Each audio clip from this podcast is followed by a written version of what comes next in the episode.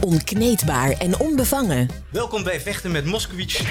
Met aan tafel geen losse vlodders, maar echte mensen. Vechten met Max Moskowitz. Elke laatste vrijdag van de maand tussen 5 en 6 uur. Op Good Life Radio. En we zijn er weer bij Vechten met Moskowitz met een hele bijzondere gast. Namelijk de godfather van het vaderlandse kickboksen. Misschien wel de meest succesvolle sport waar Nederland ooit uh, in heeft meegedaan. Tom Haring, welkom in Vechten met Moskowitz. Ja, dankjewel. Hoe is het met je? Heel goed. Gezond en wel, dus. Ja, in deze bittere tijden. Hoe beleef jij dat allemaal? Als... Nou, ik vind het wel vervelend. Met name natuurlijk voor de sportscholen. Hè, met trainen die jongens. Ik hoor het ook, oud-leerlingen die me bellen. Dat ze niet echt kunnen trainen zoals ze gewend zijn. Uh, en gewoon ook voor de mensen natuurlijk. Hè, de horeca die dicht moet. Het is gewoon voor iedereen vervelend. Maar ja, je moet ermee dealen. En dan moet je het best uit zien te halen. Zo, zo is het eenmaal. Ja. Hey, voor de, eh, de luisteraar die misschien niet iets heeft met kickboksen. Ik ga heel even vertellen wie jij bent en wat je allemaal hebt gedaan. Want ik ben namelijk een groot fan en een groot liefhebber. Um, Tom Haring is uh, uh, de man die de Nederlandse vechtsport eigenlijk heeft laten evolueren naar een, ja, misschien wel de meest effectieve vechtsportstijl die er nu wordt lesgegeven in staande vechtsporten. Uh, wereldwijd wordt het niet eens meer kickboksen genoemd, maar Dutch kickboxing of shakuriki. Ja. en um, hij heeft uh, grote kampioenen getraind, zoals Peter Aarts, Hesdy Gerges, Branko Cikatic. je kan ze opnoemen. de grootste vechters der aarde. jij hebt ze gewoon verteld wat ze moesten doen. Dat klopt. en hoe kreeg je dat, hoe kreeg je dat voor elkaar? Hoe, hoe is het om een kickbokser toptalent laten worden? Nou ja, kijk, ik begon natuurlijk in 1972 hè, met mijn sportschool. Eigenlijk uit frustratie dat ik op een Kyokushinkai wedstrijd, het is karate, werd gedisqualificeerd dat ik doorsloeg naar het hoofd. De tegenstander ging knock-out en dat mocht niet. Maar ik had een boksachtergrond. Ik heb eerst gejudo ervoor nog. En toen dacht ik, ja, ik doe een vechtsport, maar je mag iemand niet neerslaan. Ik bedoel, het is net als boksen. Dan moet dat erbij. Dat hoort erbij, knock-out, op, hè, tussen, tussen aanhalingstekens. En toen op een gegeven moment dat ik had, uh, werd ik gedisqualificeerd, toen dacht ik, weet je wat? Ik ga eigenlijk het karate, wat ik beoefende in die periode, het Kyokushinkai, ga ik combineren met het boksen, wat ik daarvoor had gedaan. En dus wij begonnen te trainen met karate pakken met bokshandschoenen aan. En eigenlijk is dat een beetje het begin geweest van het kickboksen. Want toen had je dat nog niet in Nederland. En dan spreek ik over 1972. Ja, om even een uh, klein beetje een, uh, een, geschiedenislesje te geven aan de luisteraar.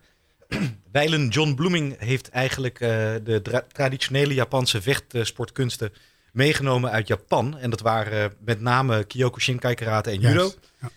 Um, in de jaren zeventig werd karate ontzettend populair.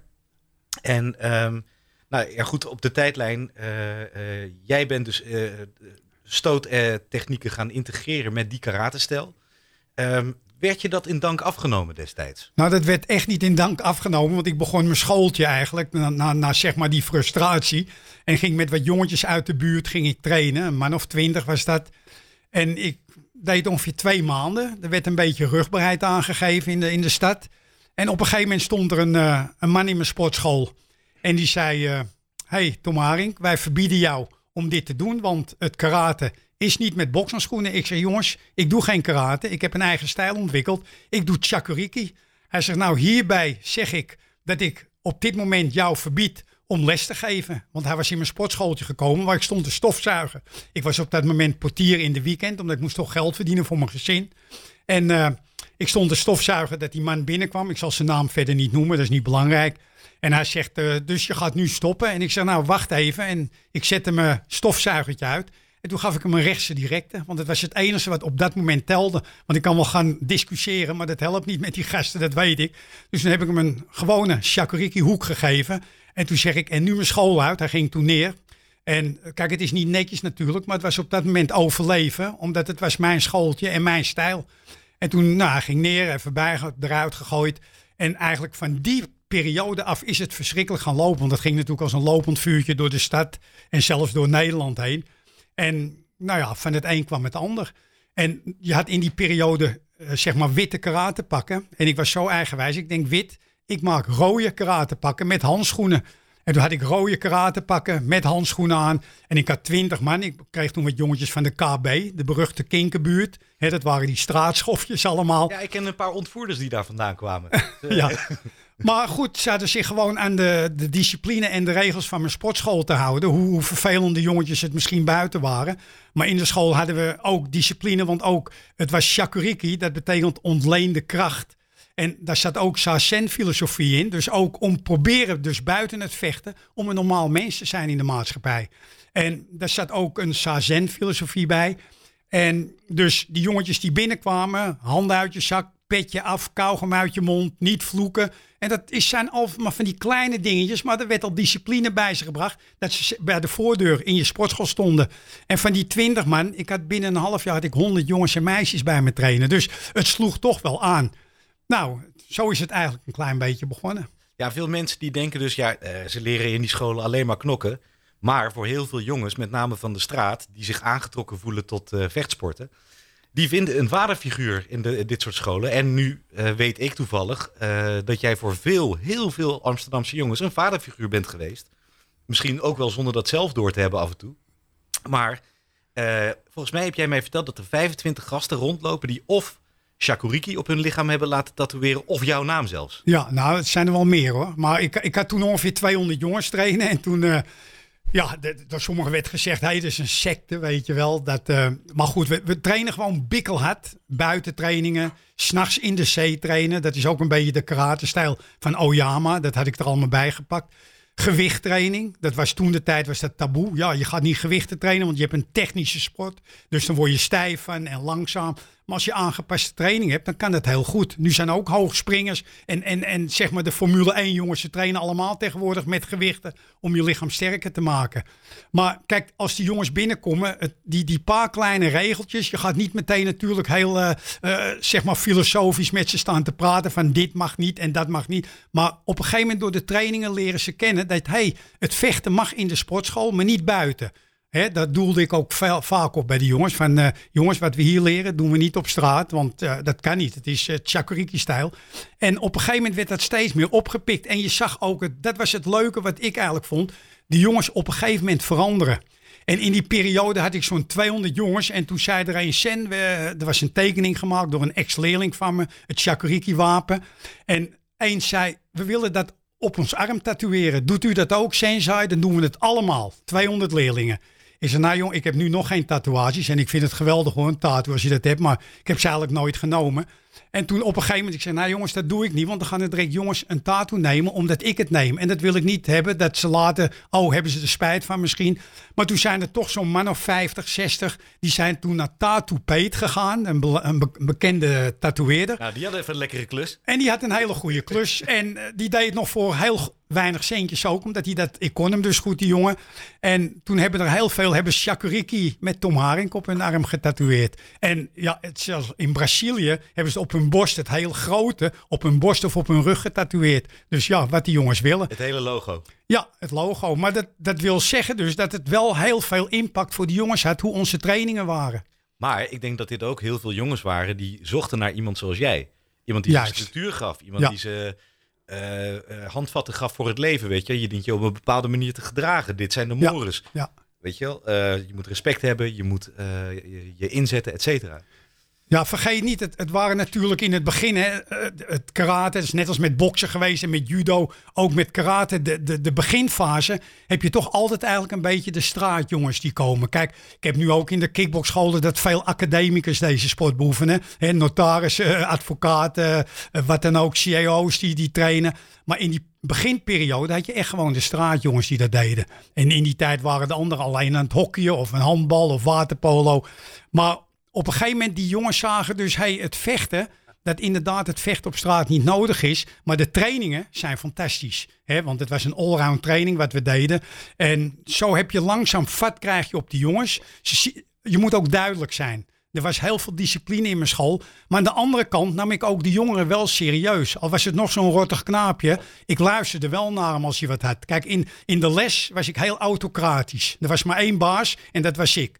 Vond ik een haar op de mat en moest de hele school moest die, die school schoonmaken. Want het moest super schoon zijn. Hè, dat zijn van die kleine dingetjes. Maar buiten de les, als een jongen problemen had, dan ging je met hem praten ben ook wel eens gebeld door ouders van ah, meneer Haring, uh, die jongen die luistert zo goed naar u, maar hij traint had maar op school doet hij helemaal niets en de cijfers gaan naar beneden. Nou, dan nam ik zo'n jongetje apart. En dan zei ik, luister jongen, je, je traint wel, maar je school is ook belangrijk. Want buiten het vechten zijn er wel meer dingen in het leven. En je moet later toch je brood kunnen verdienen. Ga een vak leren of doe je best op school. En dat zijn dingen, dat ziet zo'n jongen. Maar je luisterde wel naar die knapen. Je nam ze wel serieus. En je bent een vechter. Hè? Geen geitenwolle sokken type. Met alle respect natuurlijk voor die mensen. Als er wat was, dan pakte ik zo keihard aan. Maar wel terecht. Hè? Als ze wat verkeerd hadden gedaan. En dat zagen ze. En dan hadden ze ook respect kregen naar die jongens toe. En dat was een wisselwerking op een gegeven moment. En er waren inderdaad een hoop jongens zeiden... ja, u bent eigenlijk mijn vader. Nou, Tom, uh, we gaan dit zo even voortzetten, maar er komt nu een liedje aan. Dus uh, dames en heren, stay tuned. Tom Haring na het nummertje. Good Life Radio. Vechten met Moscovic. Met Max Moscovic. Op Good Life Radio. Ja, dat was Bruce Springsteen. Tom, jij hebt dit nummer uitgekozen. Kun je vertellen waarom? Want je hebt een goede reden. Ja, inderdaad. Ik, uh, ik vocht toen met Branko Sikatic, een van mijn leerlingen, die ook de K1 in 1993 won. Een Kroatische jongen, die toen al een jaartje of vijf bij mij in de sportschool trainde. En die moest toen in Amerika moest hij vechten tegen Don Wilson, Orlando. En dat was eigenlijk toen in die periode ook met die Rocky-films, weet je wel. Amerika tegen dat gemene rode Rusland. En zo werd het ook een beetje gebracht. En we zijn in die zaal toen en toen kwam uh, zeg maar, Branko stond in de ring. En toen kwam natuurlijk als laatste kwam Don Wilson op met zeven man voor hem. Met al zijn gordels, want hij had zeven keer de wereldtitel al gehaald. Dat was een hele grote destijds. Maar hij was een, echt een geweldige naar. En toen kwam hij eigenlijk met Bruce Springsteen voor hem op. En die speelde dat nummer live in die zaal. Dus dat was een geweldige sfeer natuurlijk. Bruce ja, van Bruce. Ja, die speelde met zijn gitaar. Liep hij zo voor uh, Don Wilson, zo naar de ring. En dat was ook wel een ervaring. En dat was fantastisch. Want het hele publiek natuurlijk, dat Amerikaanse publiek, dat ging met hem mee. Maar daarvoor was eigenlijk iets gebeurd en dat was wel leuk. We hadden kleedkamers en ik ging even naar de wc. En ik kwam terug en ik hoorde Branko praten. Dus ik duik die kleedkamer in. Zat ik in de verkeerde kleedkamer bij Don Wilson. Wat hadden ze gedaan? Ze hadden microfoontjes in onze kleedkamer gehangen. Dus ik dacht dat Branko in die kleedkamer was. En ik zie dat en ik hoor dat en ik sta bij Don. Hè, wat is dat nou? En ik hoor Branko praten. Wow. Hadden ze alles, want Branko die sprak natuurlijk Engels met mij. Dus hoorde ook precies de tactiek wat je ging bespreken. Nou, toen heb ik wel een paar scheldwoorden gedaan. En toen ben ik een andere kleedkamer gaan opzoeken daarna met Branko. En daarna, ja, excuses en dit. Maar die streken hadden ze wel om toch hun wedstrijd te winnen. Wat ontzettend ja. doortrapt, ja. zeg. Ja. Bah. Maar vandaar dat ik dat nummer van Bruce Springsteen uh, wel leuk vond, ja. Ja. Hey, over Branko, Branko is overleden, maar Ja. Branko was de allereerste K1 kampioen. Ja. En jij trainde hem. In 1993, het was zo, ik had toen ook Peter Aarts bij me trainen. Die was nog eh, jong, was 18 jaar. En eh Isi had mij toen gevraagd eh, voor een vechter. Er waren er acht uit de wereld toen eh, genomen. Waaronder ook nog eentje uit Amsterdam was Ernesto Hoost. Die eh, deed ook mee. En eh, nou, we zouden naartoe gaan. En twee weken daarvoor werd ik gebeld door eh Mr. Isi. Dat was de promotor van de K1. Hij zegt, Tom, er is een jongen uitgevallen uit Nieuw-Zeeland. Heb jij misschien nog een zwaargewicht die je mee kan nemen, die in vorm is? En toevallig had ik dat, want Peter Aarts trainde toen met Branko Sikatic in mijn school. En Branko was een hele goede sparringspartner, want die was ook wereldkampioen. En toen zei ik tegen Isi, ja klopt, ik heb eh, Branko Sikatic, die kan ik eh, meenemen. Die is zeg maar vechtklaar. En wat gebeurt er? Branko wint dat gala ook nog met drie knockouts op die avond. Dus nou ja, dat was gigantisch goed. En ik had dan het geluk dan dat Peter Aarts het volgende jaar in 94 de K1 won en in 95 de K1. Dus het was drie keer op een rij dat Shakuriki de K1 won. Dus de naam was gesetteld, want dat was in die periode was dat heel populair over de hele wereld, behalve in Nederland. Dat was het leuke eigenlijk. En dat heeft nog wel even geduurd. Maar wat wel interessant is, eh, het was ook een soort van perfect storm, jouw Shakariki-stijl. Want het kwam op het beste, perfecte moment waarschijnlijk in de, op de tijdlijn van de, de, de geschiedenis van het kickboksen. Want eh, na jouw karateavontuur werden jullie, eh, denk ik, ook in de jaren 70, 80 uitgenodigd om met de karateka's die Shakuriki deden Ja. naar Thailand te gaan. En daar gebeurde iets. Ja, ja, we waren dus eigenlijk toen. Eh, er is nog een kleine periode ervoor. Je had Charles Dumignet, dat was een, uh, helaas de man is ook dood, was een kunstenaar die een uh, Wushu deed, zeg maar ook een uh, vechtsport. En die organiseerde toen eigenlijk wedstrijden voor mensen die niet bij de karatebond aanwezig waren. Dus lid waren. Dat waren wij toen niet, want Shakuriki was een, een nieuwe stijl. En toen ging hij wedstrijden organiseren met Petjang Silat, Taekwondo, karatekas, uh, allerlei verschillende soorten vechtsporten. En die konden dan op een mat in die periode nog met hele kleine handschoentjes meten wie de beste waren. Nou, die heeft dat ongeveer een keer of tien gedaan in Den Haag, Amicitia, ik weet het nog heel goed. En daar vocht ik met mijn jongens en ja, eerlijk gezegd, we sloegen iedereen plat. We wonnen alles daar. En met die rode pakken, wat eigenlijk toch wel heel agressief overkwam. En nou, we hadden naam gemaakt toen, hè, door steeds te winnen. Dat was in twee jaar tijd ongeveer, dat hij die wedstrijd organiseerde.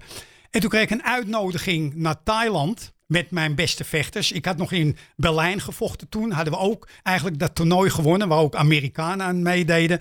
En dat op een gegeven moment ging zich dat rondzingen. En toen had ik een uitnodiging gehad om in Thailand te komen vechten met vijf jongens. Nou, de vijf kampioenen, Shakuriki, die eigenlijk in Europa iedereen plat sloegen. Gemiddeld 40, 50 wedstrijden gevochten. Nou, wij komen aan in Thailand. Vergeet niet, we hadden toen nog geen internet. Hè? Je wist niet wat in het buitenland. Nu weet je wat in de gekste achterhoek gebeurt. Kan je nu op internet vinden. Maar in die periode niet. Welk, welk jaar ongeveer is dat? Dat was in 1976 ongeveer. Nou, ik ging daar met mijn vijf jongens naartoe. Het was daar een hele professionele sport. Want iedereen beoefende Muay Thai. Wat wij niet wisten. Met ellebogen en knieën naar het hoofd. Eigenlijk de staande hardste vechtsport die er is. Nou, mijn vijf kampioenen. Ik ging er heel zelfverzekerd naartoe. Want we hadden overal aan gewonnen. Dus waarom daar niet? Nou, ik moet eerlijk zeggen, tot schande, we kregen een verschrikkelijk pak slaag. Echt, die vijf jongens. En ik voelde me daar natuurlijk verantwoordelijk voor, want ik was de trainer. Nou, we hebben daar zeg maar de eerste, tweede, derde ronde allemaal eruit. Allemaal knock-out met die elleboog op ons hoofd. Maar dat deden wij niet hier en ik wist die technieken toen ook niet. Die jongens zijn teruggegaan naar Nederland. Ik ben daar gebleven. Ik ben daar ook heel veel teruggegaan over en weer vliegen. En ik heb me toen die technieken eigen gemaakt. En dat heb ik weer aan mijn leerlingen doorgegeven. Later heb ik een bond opgericht, de Muay Thai Bond Nederland. Ja, toen de Nederlandse Kickboxbond. Wij deden de Muay Thai Bond Nederland. En toen gaf ik ook seminars aan andere sportscholen. En toen is eigenlijk het Muay Thai is eigenlijk ook heel populair geworden in Nederland en in Holland. En daar heb ik toen ook tegen de pers gezegd in Thailand. Want ik schaamde me rot, jongen. Alle vijf zwaar knock-out. En ik kan niet tegen me verliezen, hoor. Dat zeg ik eerlijk. Toen heb ik gezegd, nou, ik kom terug hier. Het zal een jaar of twee duren. Maar dat we op gelijk niveau staan. Dat we ook eens kunnen winnen. En ik heb mijn woord wel waargemaakt. En inderdaad, hè, met Raymond Dekker, een topper. Gilbert Ballantini, Rick van der Vators. Nou, heel veel jongens in het midden weer. Peter Smit, allemaal toppers. Die konden op een gegeven moment het niveau van die Thais aan. En hebben daar ook veel partijen gewonnen. Alleen in de hele lichte klasse, hè, de vedergewichters, daar zijn ze nog steeds meester. Maar ja, wij hebben niet zo heel veel van die kereltjes. Ik had toen wel Tekking Don Match, een jongetje, een Turks jongetje. En die heeft wel een paar keer van kampioenen gewonnen. Doc My Pie was in Los Angeles. Dus ik heb eigenlijk mijn woorden heb ik waargemaakt toen. Maar dat is wel een, door schade en schande wordt wijzen, zeg maar. Maar dat is ook wel een leerproces waar nu eigenlijk de jongens die nu vechten heel veel profijt van hebben gehad. Nou ja, daarom benoem ik het ook. Want er is een reden waarom wij zo succesvol waren in de K1. Juist. En dat kwam dus omdat uh, uh, mannen zoals jij pionierden naar Thailand gingen. Ja. Een techniek uh, tegenkwamen die wij niet kennen. Ja. Maar die ben je gaan integreren in je Shakuriki-stijl. Juist. En nou, laten we zeggen, 15 jaar later komt de K1. En Nederlanders zijn niet meer te verslaan. Nee. Want hoeveel K1 zijn... Want Acht geloof ik. Acht Nederlandse kampioenen die dus de K1 hebben gewonnen. Ja, er waren, er waren zeven... Het heeft 17 jaar lang geduurd. Maar volgens mij zijn er 16 keer de, de titels gegaan naar Nederlanders. En sommige hebben hem veel, heel vaak gewonnen. En die Hoek heb het een keer natuurlijk gedaan. Hè? Die Zwitser en die, die, die, uh, die Nieuw-Zeelander hebben het een keer gedaan. Mark Hunt, die heeft een keer gewonnen. Alistair Overeem, het leuke, hè? ook een topper natuurlijk, een MMA-vechter. Die heeft een keer gewonnen. Maar ja, Sam Schild, Peter Aarts, uh, Ernesto Hoost, uh, Remy Bojanski... Ja, we zijn nou eenmaal heel erg goed. En ze noemen het nou in buitenland altijd de Dutch kickboxing-stijl. Ja, want het is de norm geworden. Hè? Ja. In, de, in het MMA in Amerika, maar ook wel in Japan en Rusland. Ja. Is Dutch kickboxing is wat je te leren krijgt als je staan vecht. Ja. Dat is helemaal eigenlijk Nederlands, uh, Nederlandse uitvinding. voor een heel groot deel te danken aan jouzelf. Ja, nou, het was, wij waren natuurlijk ontzettend goed met die low kicks. En uh, die low kicks, ik, ik weet nog wel in Smaland, wij vochten in Berlijn, dat uh, uh, Mike Anderson, een hele bekende jongen ook in Amerika. En die las op mijn rug toen. We zaten in Zazen filosofie voor een wedstrijd, een soort meditatie. En toen hoorde ik hem smilend zeggen, Chakuriki, what kind of Chinese food is that? Maar ja, ik reageerde niet op. Hij was wel een beetje deginerend. Maar na afloop hadden al mijn jongens gewonnen. En toen kwam wel die man naar me toe. En toen zei hij met Bill Wallace, ook die vriend van hem, ook een wereldkampioen. Hij zegt, Tom, apologize en sorry dat ik dit gezegd heb. Maar wat een knokken zijn jullie, weet je wel. Dus op een gegeven moment hadden ze toch wel de waardering en de erkenning hoe wij vochten. Ja, maar het werd bijna absurd. Want uh, het kickboksen werd, in Nederland had niemand dit in de gaten. Maar het kickboksen werd bijna het schaatsen in Nederland. Want we hadden geen concurrentie meer. Nee. We wonnen alles. Ja, maar het, het jammer is wel, het, kan je ook nog even zeggen, toen Branko won in 1993, toen gingen we terug naar Zagreb, want hij woonde in Split, maar we hadden een landing op Zagreb. Stond er zeker zo'n 80 man aan schrijvende pers, aan uh, televisie, uh, allerlei soorten journalisten, die vonden het geweldig. Maar het jaar erop won Peter Aarts. En ik kwam met Peter Aarts toen op Schiphol aan. Toen stond er één mannetje, stond er. Bij, en dat was een man uit Best. Die net als het blad De Echo, wat wij in Amsterdam hadden, een klein blaadje. Die daarover schreef. Ik wil daarmee zeggen hoe eigenlijk de cultuur is in Nederland. Dat de pers er totaal geen aandacht voor had. Terwijl in andere landen werd je wel zeer gewaardeerd en geëerd als vechtsporter. Maar in Nederland was het niet. En toen Peter in 95 vond toen stonden er twee man. Dat was diezelfde man met een fotograafje erbij, weet je wel. Dus, uh... nou, dit is een prachtig verhaal en dan gaan we zo weer lekker over door. Maar nu eerst even... Vechten met Moscovic. En wij zijn terug met Tom Haring. Uh, Tom, je uh, zei net um, dat in Nederland eigenlijk heel weinig erkenning was voor de grootste prestaties die de Nederlandse atleten uh, bereikt hadden in, uh, in, in het kickboksen. Um, hoe lang heeft het geduurd voordat er überhaupt een beetje erkenning kwam? Badder natuurlijk die problemen had een beetje met die vechtpartijen buiten. Maar op datzelfde moment kwam eigenlijk met wedstrijden Rico Verhoeven opzetten. En Rico in die periode was natuurlijk de ideale schoonzoon. Hè? Correcte jongen, zag er netjes uit, hij vocht heel goed. En op een gegeven moment zelfs natuurlijk tegen Badden was dat een hetze van wie er zou winnen. En toen is eigenlijk de pers er een beetje opgedoken. Terwijl het in het buitenland was het al heel populair natuurlijk. Iedereen schreef erover. In, in, in Japan hadden we, we noemden dat een voetbalstatus. We zaten in vijf sterren hotels. Op straat kon je je nauwelijks vertonen, want iedereen herkende je en moest een handtekening van je hebben. Moest er wel eens ontzet worden. Maar in Nederland was ja, nuchter. Het, het gebeurde gewoon niet. Maar er was ook meer disrespect, vond ik hoor, naar onze sport. Want die jongens die trainen kei en keihard en hadden ook echt discipline. En wat ze vergaten, wij natuurlijk wel een beetje de straatjongens. We hadden niet het hockeypubliek. Ook jongens vaak achterstand wijken. En er gebeurden natuurlijk vaak toch wel eens dingen die niet zo goed waren. En vandaar dat het kickboksen wel een beetje een nare smaak kreeg. En een verkeerde image kreeg. Terwijl dat eigenlijk helemaal niet zo was. Want in de school werd er echt gedisciplineerd getraind. Alleen de leraren moesten wel zorgen dat natuurlijk die jongens op straat zich gedragen. En dat gebeurde wel eens niet. Maar later ging dat allemaal wel beter. En in de periode dus met, dacht ik wel, jaren later, dat met name ook Rico en Badde die wedstrijden. Toen is het eigenlijk wel een beetje een andere kant op gaan draaien. Ja, ja dat is duidelijk. Uh, Rico die heeft uh, nou ja, bijna eigenhandig het hele imago van kickboxers doen veranderen. Ook heel bewust. Hè? Uh, ik bedoel, uh, geen kale kop, een mooi kapseltje en eloquente interviews doen. Ja. Dat heeft hij goed gedaan. Maar het is natuurlijk wel hypocriet in Nederland. Want ja, je gaat voetballen ook niet verbieden. Of, nee. of, of, zeggen dat alle voetballers criminelen zijn, omdat de jongens van de F-site de boel uh, slopen. Nee, dat klopt, ja. En, en daar zit heel wat... Uh... Nou, het is zelfs zo, ik uh, deed toen de tijd met Chris Dolman, een bekende Sambo-wereldkampioen. Nou, hadden wij wedstrijden in de Paradiso georganiseerd. Dat waren eigenlijk free fights, noemden we dat. Dat is eigenlijk het MMA.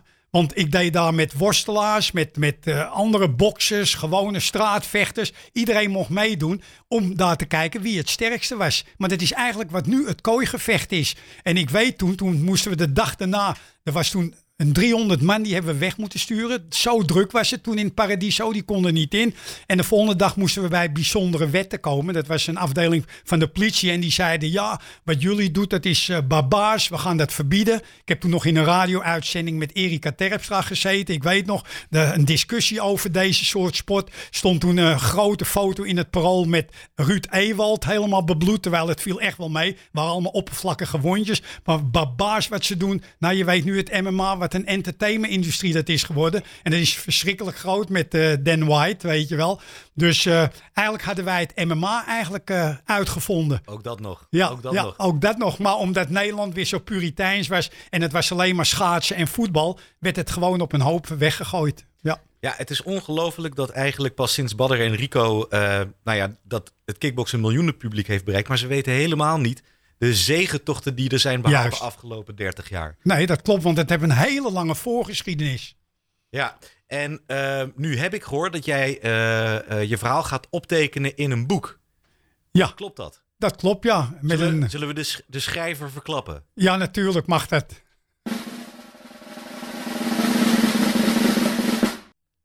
Dat ben ik. zit tegenover me. Ja, ik denk je moet het zelf zeggen. Nee, Max, dat is leuk. Kijk, er is een boek geschreven met Julia Pug over mij. Dus een, uh, meer de verhalen die ik heb meegemaakt met mijn vechters. Maar dit wordt echt meer een diepe gangboek. Een, hè, meer over mijn biografie en hoe ik het gedaan heb. Hoe ik met mijn jongens ge, gezeild en gereild heb. En dat gebeurt door Max Moskowitz junior. Ja, nou, en ik doe het ook echt uit passie. Want het is een levenslange passie van me. En uh, ik heb alles erover gevolgd. Dus ook uh, jouw leven als uh, vechtsporttrainer. Ja. Maar wij hebben natuurlijk nu al een paar keer uh, stevige sessies gehad. En, ja. en wat ik te horen krijg, het is zo'n mooi verhaal. Ja. Het is zo fantastisch. Het, het lijkt wel alsof het een, jong, een verzonnen jongensboek is. Ja. Maar het is allemaal echt gebeurd. Ja, dat klopt. Kijk, ik ben natuurlijk een oude kerel, 76. En ik, ik begon al als jongetje van vijf op judo. Maar je hebt natuurlijk zoveel meegemaakt. En juist in buitenland, hè, waar het dus veel meer speelde dan in Nederland. Maar de trainingen, die deden we wel in Amsterdam.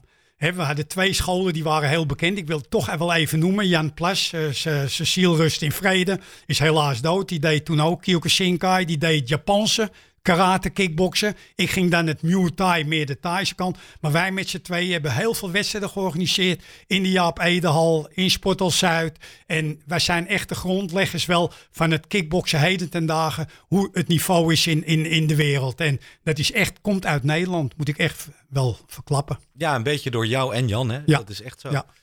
Um, maar ja, goed. Kijk, buiten het kickboksen maakten jullie buiten de ring ook echt waanzinnige avonturen mee met een bepaalde organisatie in Japan. Ik weet niet of ik het kan noemen. Jawel, kijk, dat, dat is altijd wel enigszins geassocieerd, hè, de vechtsporten. En in Japan die traditie, ze noemen het Yakuza, hè, de Yakuza, die waren zeer geïnteresseerd, hadden ook heel veel geld, zaten ook op de eerste rijen. En ja, die uh, infiltreerden zich eigenlijk toch wel een beetje in de organisatie. Je had toen ook een paar uh, worstelorganisaties die, uh, waar heel veel gekke dingen gebeurden. En dat wijten ze toe aan de Yakuza. Ja, helaas zit dat er wel bij aan de vechtsport. Maar dat wil niet zeggen aan de leraren en de leerlingen die trainen. Want die beoefenen gewoon de sport. En wat er omheen loopt, ja, daar zijn wij niet altijd verantwoordelijk voor natuurlijk. Nee, en, en voor de mensen die niet weten wat de Yakuza is. Uh, dat is een, uh, ja, laten we zeggen, georganiseerde misdaad in Japan. En die hebben een aantal kenmerken. En dat zijn uh, helemaal onder de traditionele tatoeages. Juist pinkje eraf. Omdat ze vaak toch wel een foutje hebben gemaakt. En dan moeten ze voor hun baas, moet de pink eraf. En wij werden ook wel eens afgehaald op het uh, Narita Airport. En er kwam met een gewoon een prachtige luxe bus. Werden alle vechters, want er kwamen meer vliegtuigen uit verschillende landen met die vechters. Dat hadden ze zo gepland dat je met elkaar zeg maar daar aankwam. Maar er stond bij ons, Shakuriki op Branco, omdat hij natuurlijk zo'n naam had gemaakt. En Peter Aarts, waren we daar zo bekend geworden. Daar stond de Yakuza met limousines ons op te wachten. En toen mochten we niet met de bus mee. Terwijl eigenlijk de organisator, promotor Isi dat uit moet maken. Maar die had niets te vertellen. En dan moesten wij met die limousines mee. Want dan had je drank in de limousines. Je kreeg een SWIP-behandeling. En toen gingen wij zo naar de hotels. Maar ja, dat. De geisjas als dat moest na de partijen. Over het algemeen natuurlijk. Want voor de partijen was ik wel een hele strenge leraar. dat mochten die jongens niet doen. Ik wel als trainer, want ik hoefde niet te vechten. Maar goed, uh, dat is een ander verhaal natuurlijk. Dat is ook een boek apart. Mijn vrouw luistert ook, maar dat maakt niet uit. Maar verder, het, we werden daar eigenlijk op handen gedragen. Met name de Yakutsa's. En we kregen cadeaus en mooie dure schoenen en poppen. Maar ja, goed, je nam het aan. We hadden verder niks met die knapen te maken, weet je wel. Maar we werden daar wel in de watten gelegd. Maar je zag wel, dat, uh, dat waren niet de gewone uh, arbeiders, laat ik het zo zeggen. Nee, nee, nee, dat begrijp ik. Ja. Geen koorknaapjes, geen koorknaapjes. Maar het is wel leuk om het meegemaakt te hebben natuurlijk allemaal. Ja. Nou ja, het, ik, ik ken het natuurlijk al een beetje, maar ik ga het nog niet verklappen allemaal. We moeten nog een beetje... De, de oh, ik kan nog heel veel verhalen erover vertellen, maar, inderdaad. Maar die komen allemaal in het boek. Ja. Die komen allemaal ja. in het boek. En um, nou ja, buiten in, inderdaad het vechtsport om... Ja, het, het, je komt nog wel eens iemand tegen zo kwam jij ooit in, volgens mij in de, in de lobby van een hotel een zangeresje tegen die volgens mij. Je, je herkende haar. Nou, ik, ik hoorde dat later van, van mijn dochter eigenlijk. Uh, en ook toen van die jongens daar, dat was Lady Kaka. Ik zat daar een kop koffie te drinken en er was een groep Amerikanen. En nou ja, er was ook een optreden van Kaka. Ik zeg eerlijk, ik wist helemaal niet wie dat was. Lady en Gaga, hè? Lady Gaga, Lady Kaka, Kaka, Kaka zeg ik Kaka. Maar het leuke is, ze zat er in de lobby. Een hele leuke meid, gewoon niet opgemaakt. En ik, ik herkende er ook niet. En nou, kwam tot uh, een gesprek met elkaar. We dronken wat samen. En zij vertelde, ja, ik moet optreden hier. Ik, uh, ik ben een uh, artiest, een zangeres. En ze zegt, ja, ik zie je bent een trainer. En ik zie al die jongens. En ze was heel erg geïnteresseerd. Maar ja, later toen weg, ze, ze ging ook naar een optreden daar. En nou, allemaal jappen voor de deur. Je hebt natuurlijk heel veel fans, hè? ook voor de vechten, maar natuurlijk ook voor haar. En ze was zo populair, maar ik wist voor god niet wie zij toen was. Maar was een hele leuke meid en we zaten in hetzelfde hotel, maar dat is Lady Gaga. Dat is de grootste zangeres op aarde op dit moment. Dat hoorde ik later van mijn kinderen inderdaad. Je dacht dat een leuke meid. Ja. Volgens mij had je hem ook nog verteld dat je er een beetje normaaltjes vond en niet zo. Uh... Nee, ik vond het, want ze was, kijk, als ze opgemaakt is en ze heeft hele extravagante kleding aan, wat ik later zag natuurlijk. Maar dat ze zat een oude spijkerbroek aan, ze was niet opgemaakt, de haar zat er niet uit. Nou, knap kon je er niet noemen, bij wijze van spreken. Maar ze was wel sympathiek en dat was gewoon leuk. En als iemand geïnteresseerd is in je sport, nou ja, dan praat je ermee. En ze was wel heel bescheiden hoor, niet van ik ben dit of dit. Ze zei gewoon, ja, ik moet zingen in een orkest of in een uh, beentje. Dat was het enige wat ze eigenlijk zei. nou ja, stadions gevuld met honderdduizenden Ja, zeker weten. En televisie natuurlijk, hè. Dat is, vergeten mensen ook wel, ja. ja ik vind dit gewoon zo'n mooi verhaal. Ja. Omdat het ook echt... Je bent, het is gewoon helemaal tom, weet je. Je kent dat kind niet. Nou, nee. gewoon een beetje praatje maken. Nee, het is echt fantastisch. hey, um, heb jij nog wel eens de kriebels? Zou jij nog wel eens een keertje uh, bezig willen houden als trainer of uh, met, met vechters? Nou, het leuke is, ik heb nu op dit moment uh, tien dependances in de wereld. Hè? Chakuriki dependances. Ik heb er twee in Brazilië, twee in Japan, Chakuriki scholen. Ik heb er één in uh, Moskou, ik heb er één in München. Ik heb er één nu in uh, Kroatië, beginkerschool. Dus eigenlijk ben ik nog heel druk bezig met seminars. Oké, okay, daar gaan we straks over door. Nu komt er weer een liedje. Tot zo. Geniet van Good Life Radio. Vechten met Moscovic. Met Max Moscovic. Op Good Life Radio. En we zijn terug met de toptrainer Tom Haring. Die Lady Gaga niet zag staan en haar een blauwtje liet lopen. maar uh, we hadden het net over. Uh, je bent zelf nu wel echt gestopt in Nederland met lesgeven. Maar ja. uh, het stokje is overgenomen en in wel in tien landen dus. Ja. Um, vertel eens hoe je het ervaart bijvoorbeeld in Brazilië. Nou, ik had eigenlijk nu deze periode in uh, Brazilië gezeten, in Rio de Janeiro, in die favelas. Daar uh, zijn wat sportscholen en dan de echte favelas, niet beneden. Want er zijn gewoon middenstanders hoor, die daar, maar echt daarboven waar je alleen met een motor kan komen. Wat te smal is voor een auto. En waar je ook normaal niet als buitenlander gewoon moet lopen. Want dan ben je je ring kwijt en je polshorloge. Maar daar geef ik dus seminars en dat is geweldig. En dat komt met name dat ik eigenlijk drie Braziliaanse jongens wereldkampioen heb gemaakt. En dat, dat druppelt natuurlijk door. En alleen het is daar op dat moment is het wel redelijk gevaarlijk. Ik heb dan wel altijd de afspraak met ze. Ik slaap wel op de Copacabana in een hotel. Ik ga dan niet uh, slapen boven in die favelas. Want ik was er een keer laatst uh, verleden jaar. En toen was er een kengoorlog. En toen vlogen de kogels om onze oren. En dat is echt waar. Je zag ze zo door de deur komen. En dat wordt natuurlijk te link. Hè. Er zijn drugsbendes die bezig zijn. Maar de jeugd, om juist die van een beetje van de criminaliteit af te halen, zijn daar sociaal werkers. Die, geven dan, die laten dan mensen komen om seminars te geven. En ja, ik heb daar mijn naam gemaakt omdat ik Peter Riets heb getraind. En nog een paar, twee goede, hele goede vechters. En dat is geweldig. Maar dan hebben ze bokshandschoenen zeg maar als lappen om hun handen gebonden. Omdat ze geen geld hebben om handschoenen te kopen. Ik heb laatst Forza is een bedrijf hier die heeft tientallen handschoenen gestuurd met Forza erop en mijn naam Chakuriki om naar die, uh, de jeugd daar te sturen in die faveljas. En dat vind ik geweldig. Mooi, ja, ja, ja, ja. En um, nou ja, Brazilië is natuurlijk één van de landen. Ja. Maar je komt ook graag in Kroatië. Hè? Daar heb je volgens mij zelfs een huisje. Ja, ik heb een huisje in Kroatië aan de zee. En dat komt natuurlijk met name door Branko Sikatic. Dat was een Kroaat. Mag ik, mag ik wat vertellen? Toen jij uh, in de zomer op vakantie was in Kroatië, stuurde jij mij appjes. Het ene na het andere nieuwsinterview met Tom. Echt, ja. Eh, je, je, leek wel een wereldster daar. Je was, je was gewoon overal. Nou, ik, ik ben natuurlijk daar in de Hall of Fame geweest. En ik zat er in die periode met Alistair Overheem. En die uh, is ook heel bekend natuurlijk.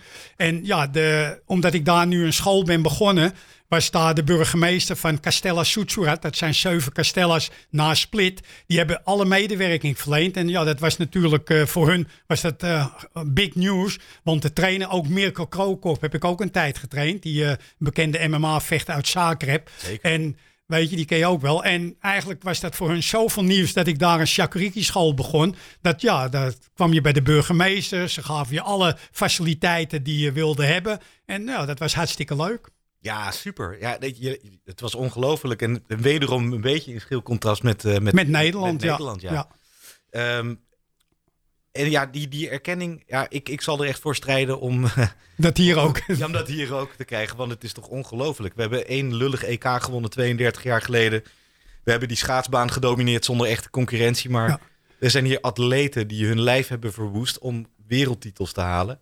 En die jongens kunnen hun verhaal niet kwijt. Nee, nou vergis je niet, we deden het daar in de Tokyo Dom. 60.000 mensen. Maar ook nog een keer op Fuji TV. Hè? Dus de 500 miljoen mensen konden dat bezien. Maar er werd wel het Wilhelmus gespeeld. En als daar dan een Nederlander wint en je komt in Nederland en er staat niet een lettertje in de pers, is dat heel frustrerend. Schandalig. Ja, terwijl je in dat land, want je bent wel een atleet. En of je niet van kickbox houdt. Er zijn ook sporten waar ik niet van hou. Maar daar moet je toch respect voor hebben, voor die mensen. Maar de pers schreef er niets over. Terwijl daar, het kon niet stuk. We stonden met grote foto's in de voorkranten van de grootste dagbladen. Weet je, en ja, dat was jammer. Maar goed, we, we hebben het wel waargemaakt daar. En daar ging het tenslotte om. Absoluut. hey, even iets totaal anders. Uh, jouw vrouw, Marianne Olvers. Ja. Die uh, is ook regelmatig in het nieuws. En uh, ze is met iets heel bijzonders bezig op het moment. Kun je daar iets over vertellen? Ja, Olvers, mijn vrouw, is uh, hoogleraar sport en recht. Die kwam bij me eigenlijk als studentje trainen in de sportschool om zelfverdediging te leren met een vriendin. En toen was ze 18 jaar en nou, toen ze 25 was, ik was toen vrij jonger geworden. Ik, had, ik was ook getrouwd geweest. En we kregen wat, we voelden wat voor elkaar, we kregen wat met elkaar. En dat is alweer 30 jaar geleden. We zijn nu uh, eh, 30 jaar bij elkaar. We zijn 25 jaar getrouwd. Hebben drie heerlijke kinderen. Nog jonge kinderen natuurlijk. Ik ben een stuk ouder dan Marjan. Marjan is 26 jaar jonger. Oude snoepert. Ja, hè? toch wel hè, eigenlijk. Hè? Maar ik zie er toch uit als een jonge god. Dus wat maakt het nou uit? Ja, ik zou niet maar, met je maar Marjan heeft het heel druk. En ze is nu dus inderdaad met een groot onderzoek met, van de Gymnastiek Unie bezig. Maar ze heeft heel veel onderzoeken gedaan naar matchfixing, doping. En ja, dat is haar vak. En daar is ze schijnbaar goed in. Want ze wordt er heel vaak voor gevraagd. En ze werkt er heel hard aan. En ze geeft les natuurlijk op de VU. Ja, en op dit moment is ze bezig met die uh, roemruchte uh, turnzaak. Juist. En uh, zal wel wat werk aan hebben, denk ja, ik. ik. Ik weet, zij is toevallig vanochtend ze, ze bespraak maken. Ze, ze mag daar niets over zeggen. Hè. Dat, het onderzoek moet eerst uh, afgerond zijn. Maar ik denk, uh, wat je ook hoort in de pers, gewoon van wat er gebeurd is. Dat schijnt heel heftig te zijn met de leerlingen. Hoe ze daarmee om zijn gegaan. Zelfs barbaarse trainingen. Maar goed, daar, daar kan ik verder niks over uitweiden. Dat, dat moet Jan Olfers doen gewoon. Maar zou zoiets ooit zijn voorgekomen in het kickboksen? Volgens mij is dat echt ondenkbaar. Nou, het, het gek is, ik had ook een keiharde stijl, maar het, het moet natuurlijk wel ethisch verantwoord zijn. Hè? En ik bedoel, je, een vechtsport is nou eenmaal hard. Het is anders dan, dan turnen of wat voor sporten. Terwijl alle trainingen, wil je de top bereiken, moet je natuurlijk je 100% inzetten. Maar wat je leest in de krant, wat er wel is gebeurd met, met turnen, ja, dat is gewoon te gek voor woorden. Ja, want mijn ervaring in de vechtsport, en ik heb toch ook wel, nou ja, echt heel lang vechtsporten gedaan, ook als uh, jongeman, kind eigenlijk. En uh, mijn ervaring met alle docenten die ik ooit heb gehad, ja, ze waren hard. Ja. Je kreeg discipline, je moest uh, door je pijn heen, je moest Juist. leren doorzetten. Ja. Maar uh, als er echt iets was, als je pijn had, dan werd je opgeraapt, Tuurlijk. werd je opgelapt. Respect voor elkaar is heel belangrijk. En werd dat je ook is, nog wel getroost. Ja, Ja. ja. absoluut. ja. Ja. Maar het schijnt dus met de turnen meer die, die machtsverhoudingen te zijn van leraar met jonge kinderen. En ja, kijk, ik train ook met kinderen heel anders dan dat ik met volwassenen train. Hè, ik bedoel, met mijn kinderen mocht je niet echt sparren op het hoofd. Dat, daar moet je gewoon rekening mee houden. Een kind die hersentjes, het is sowieso niet goed een klap op je kop. Maar als je volwassen bent, dan heb je er zelf je eigen begrip over. En je kan zelf zeggen of je het wel of niet wil. Maar een klein kind van 6, 7, 8 jaar, dan moet je echt in bescherming nemen. En dat vind ik met alle sporten. Dat hebben ze met voetbal gedaan. Dat ze zeggen niet meer koppen met die bal, omdat het toch verkeerd is. Als het geregeld hebt, zo'n grote zware bal op het hoofd van een klein kind. Ja, er zijn restricties en daar heb je aan te houden, vind ik. Absoluut, absoluut. Hey, um, ik wilde toch nog eens aan jou vragen. Hè? In, in je hele loopbaan als trainer. Wie uh, zie jij in retrospectief als misschien wel de pound-for-pound beste kickboxer die je ooit hebt meegemaakt? Nou, dat is eigenlijk, doe je daar mensen aan tekort als je één naam zou noemen. Maar als je zegt over de bekendste kickboxer ter wereld... En ook wel die het waargemaakt heb en waar ik ontzettend veel mee plezier mee heb gehad, is natuurlijk Peter Aarts. Hè? Die jongen uit Best. Maar dat komt ook om, het is een geweldige, sympathieke jongen. Hij, uh, hij was hard, keihard. Hij vocht vaak op knockout, dat was geweldig. Maar ik heb zoveel goede jongens gehad, ook met name een Perry Ubeda, Hesty Kerkers, Gilbert Ballantini, ja, ik, Jeroen Le Banner, uh, Raúl Catinas, uh, de Pedro Rizzo, de buitenlandse jongens. Ja, ik kan nog hele lijst opnoemen van jongens. Maar als je er inderdaad echt uit, één uit wil uh, bonjouren, dan is ja, Peter is wel, dacht ik, in het vechtsportwereldje de bekendste vechtsporter op, in het zwaargewicht. Nou ja, het, hij is natuurlijk ontzettend goed. Heeft ontzettend uh, prachtige prestaties. Drie keer de K1 bijvoorbeeld, Ja. maar nog veel meer titels. Maar uh, wat zo leuk aan Peter is, is dat hij uh, heeft zo'n ride or die stijl. Juist. Weet je, het is gewoon... Een boer, een goede boer. Ja, die, die, die, die, die hoge trap van hem, maar ook gewoon... Weet je, hij komt niet om tactisch te vechten. Hij komt gewoon om te slopen. je kop eraf te halen. De Dutch Lumberjack, vandaar die naam ook, weet je wel. En Peter moest altijd wakker worden. Hè. Hij kreeg de eerste ronde toch wel vaak wel eens klappen van die gozer. En dan in die tweede ronde ging ik tekeer tegen hem. Ik zeg, Peter, je, ja, je krijgt op je kop. En wow, maakt niks uit, Sen. Hij gaat er toch uit. Weet je, zo, zo sprak hij. En hij maakte het waar. Een geweldige gozer. Ja. Ja, maar hij, hij had ook wel iets, uh, iets, iets compassievols. Want ik heb hem bijvoorbeeld vaak zat. Die, die, Japanners die wilden zo graag eens een keertje dat er eentje van hun ook zou winnen. Dus er kwam, werd er weer een of ander opgewarmd lijk uit de kast gehaald. En dan kwam hij als een schaapje naar uh, de slacht uh, werd geleid. En dan kwam hij gewoon tegen iemand als Peter of Ernesto Hoos te staan. Wat gewoon, nou ja, bijna moord is. Ja. en uh, ik kan me nog herinneren dat volgens mij was het in Korea. Toen moest Peter tegen een Japanner. En die gozer die stond er al knikkenbenen. Die had er helemaal geen zin in.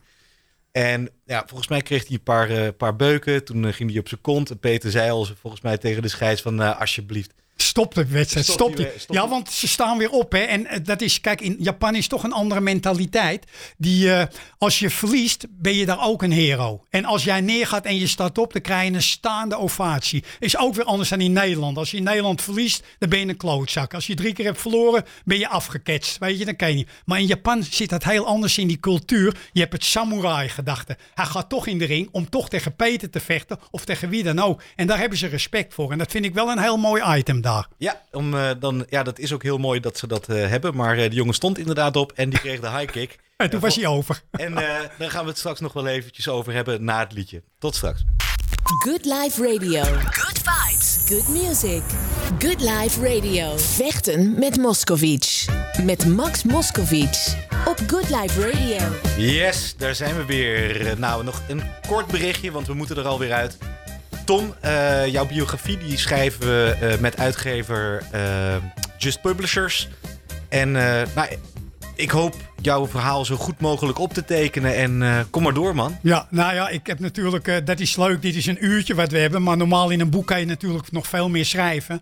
Maar ik vind het hartstikke leuk, want je beleeft ook door het vertellen, beleef je het toch weer allemaal een beetje terug. Dus, eh, en ik heb zoveel verhalen, omdat je natuurlijk over de hele wereld hebt gezworven. Ik ben 45 jaar leraar geweest. Je hebt heel veel jongens en meiden getraind. Dus ja, je maakt eigenlijk ontzettend veel mee. En ik hoop dat ook veel mensen het eens gaan lezen naar respect voor de jongens die trainen. Want als een voetballer een bal gehakt heeft gegeten, wat verkeerd valt, dan komt hij op televisie. Maar laat ook die vechtsporters eens, die jongens die keihard trainen, laten die ook eens een keer de erkenning krijgen die ze hebben. En dat komt zeker in het boek allemaal naar voren. Dat komt terug en eh, je laat ook uh, nou ja, hele ontroerende momenten uh, Ja.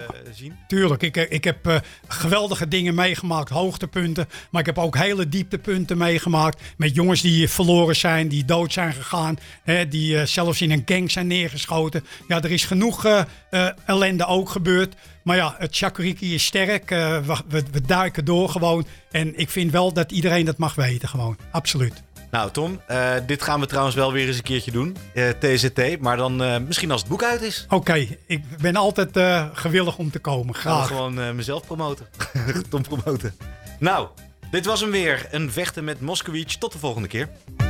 Onkneedbaar en onbevangen. Welkom bij Vechten met Moskowitz. Met aan tafel geen losse vlodders, maar echte mensen. Vechten met Max Moskowitz. Elke laatste vrijdag van de maand tussen 5 en 6 uur. Op Good Life Radio.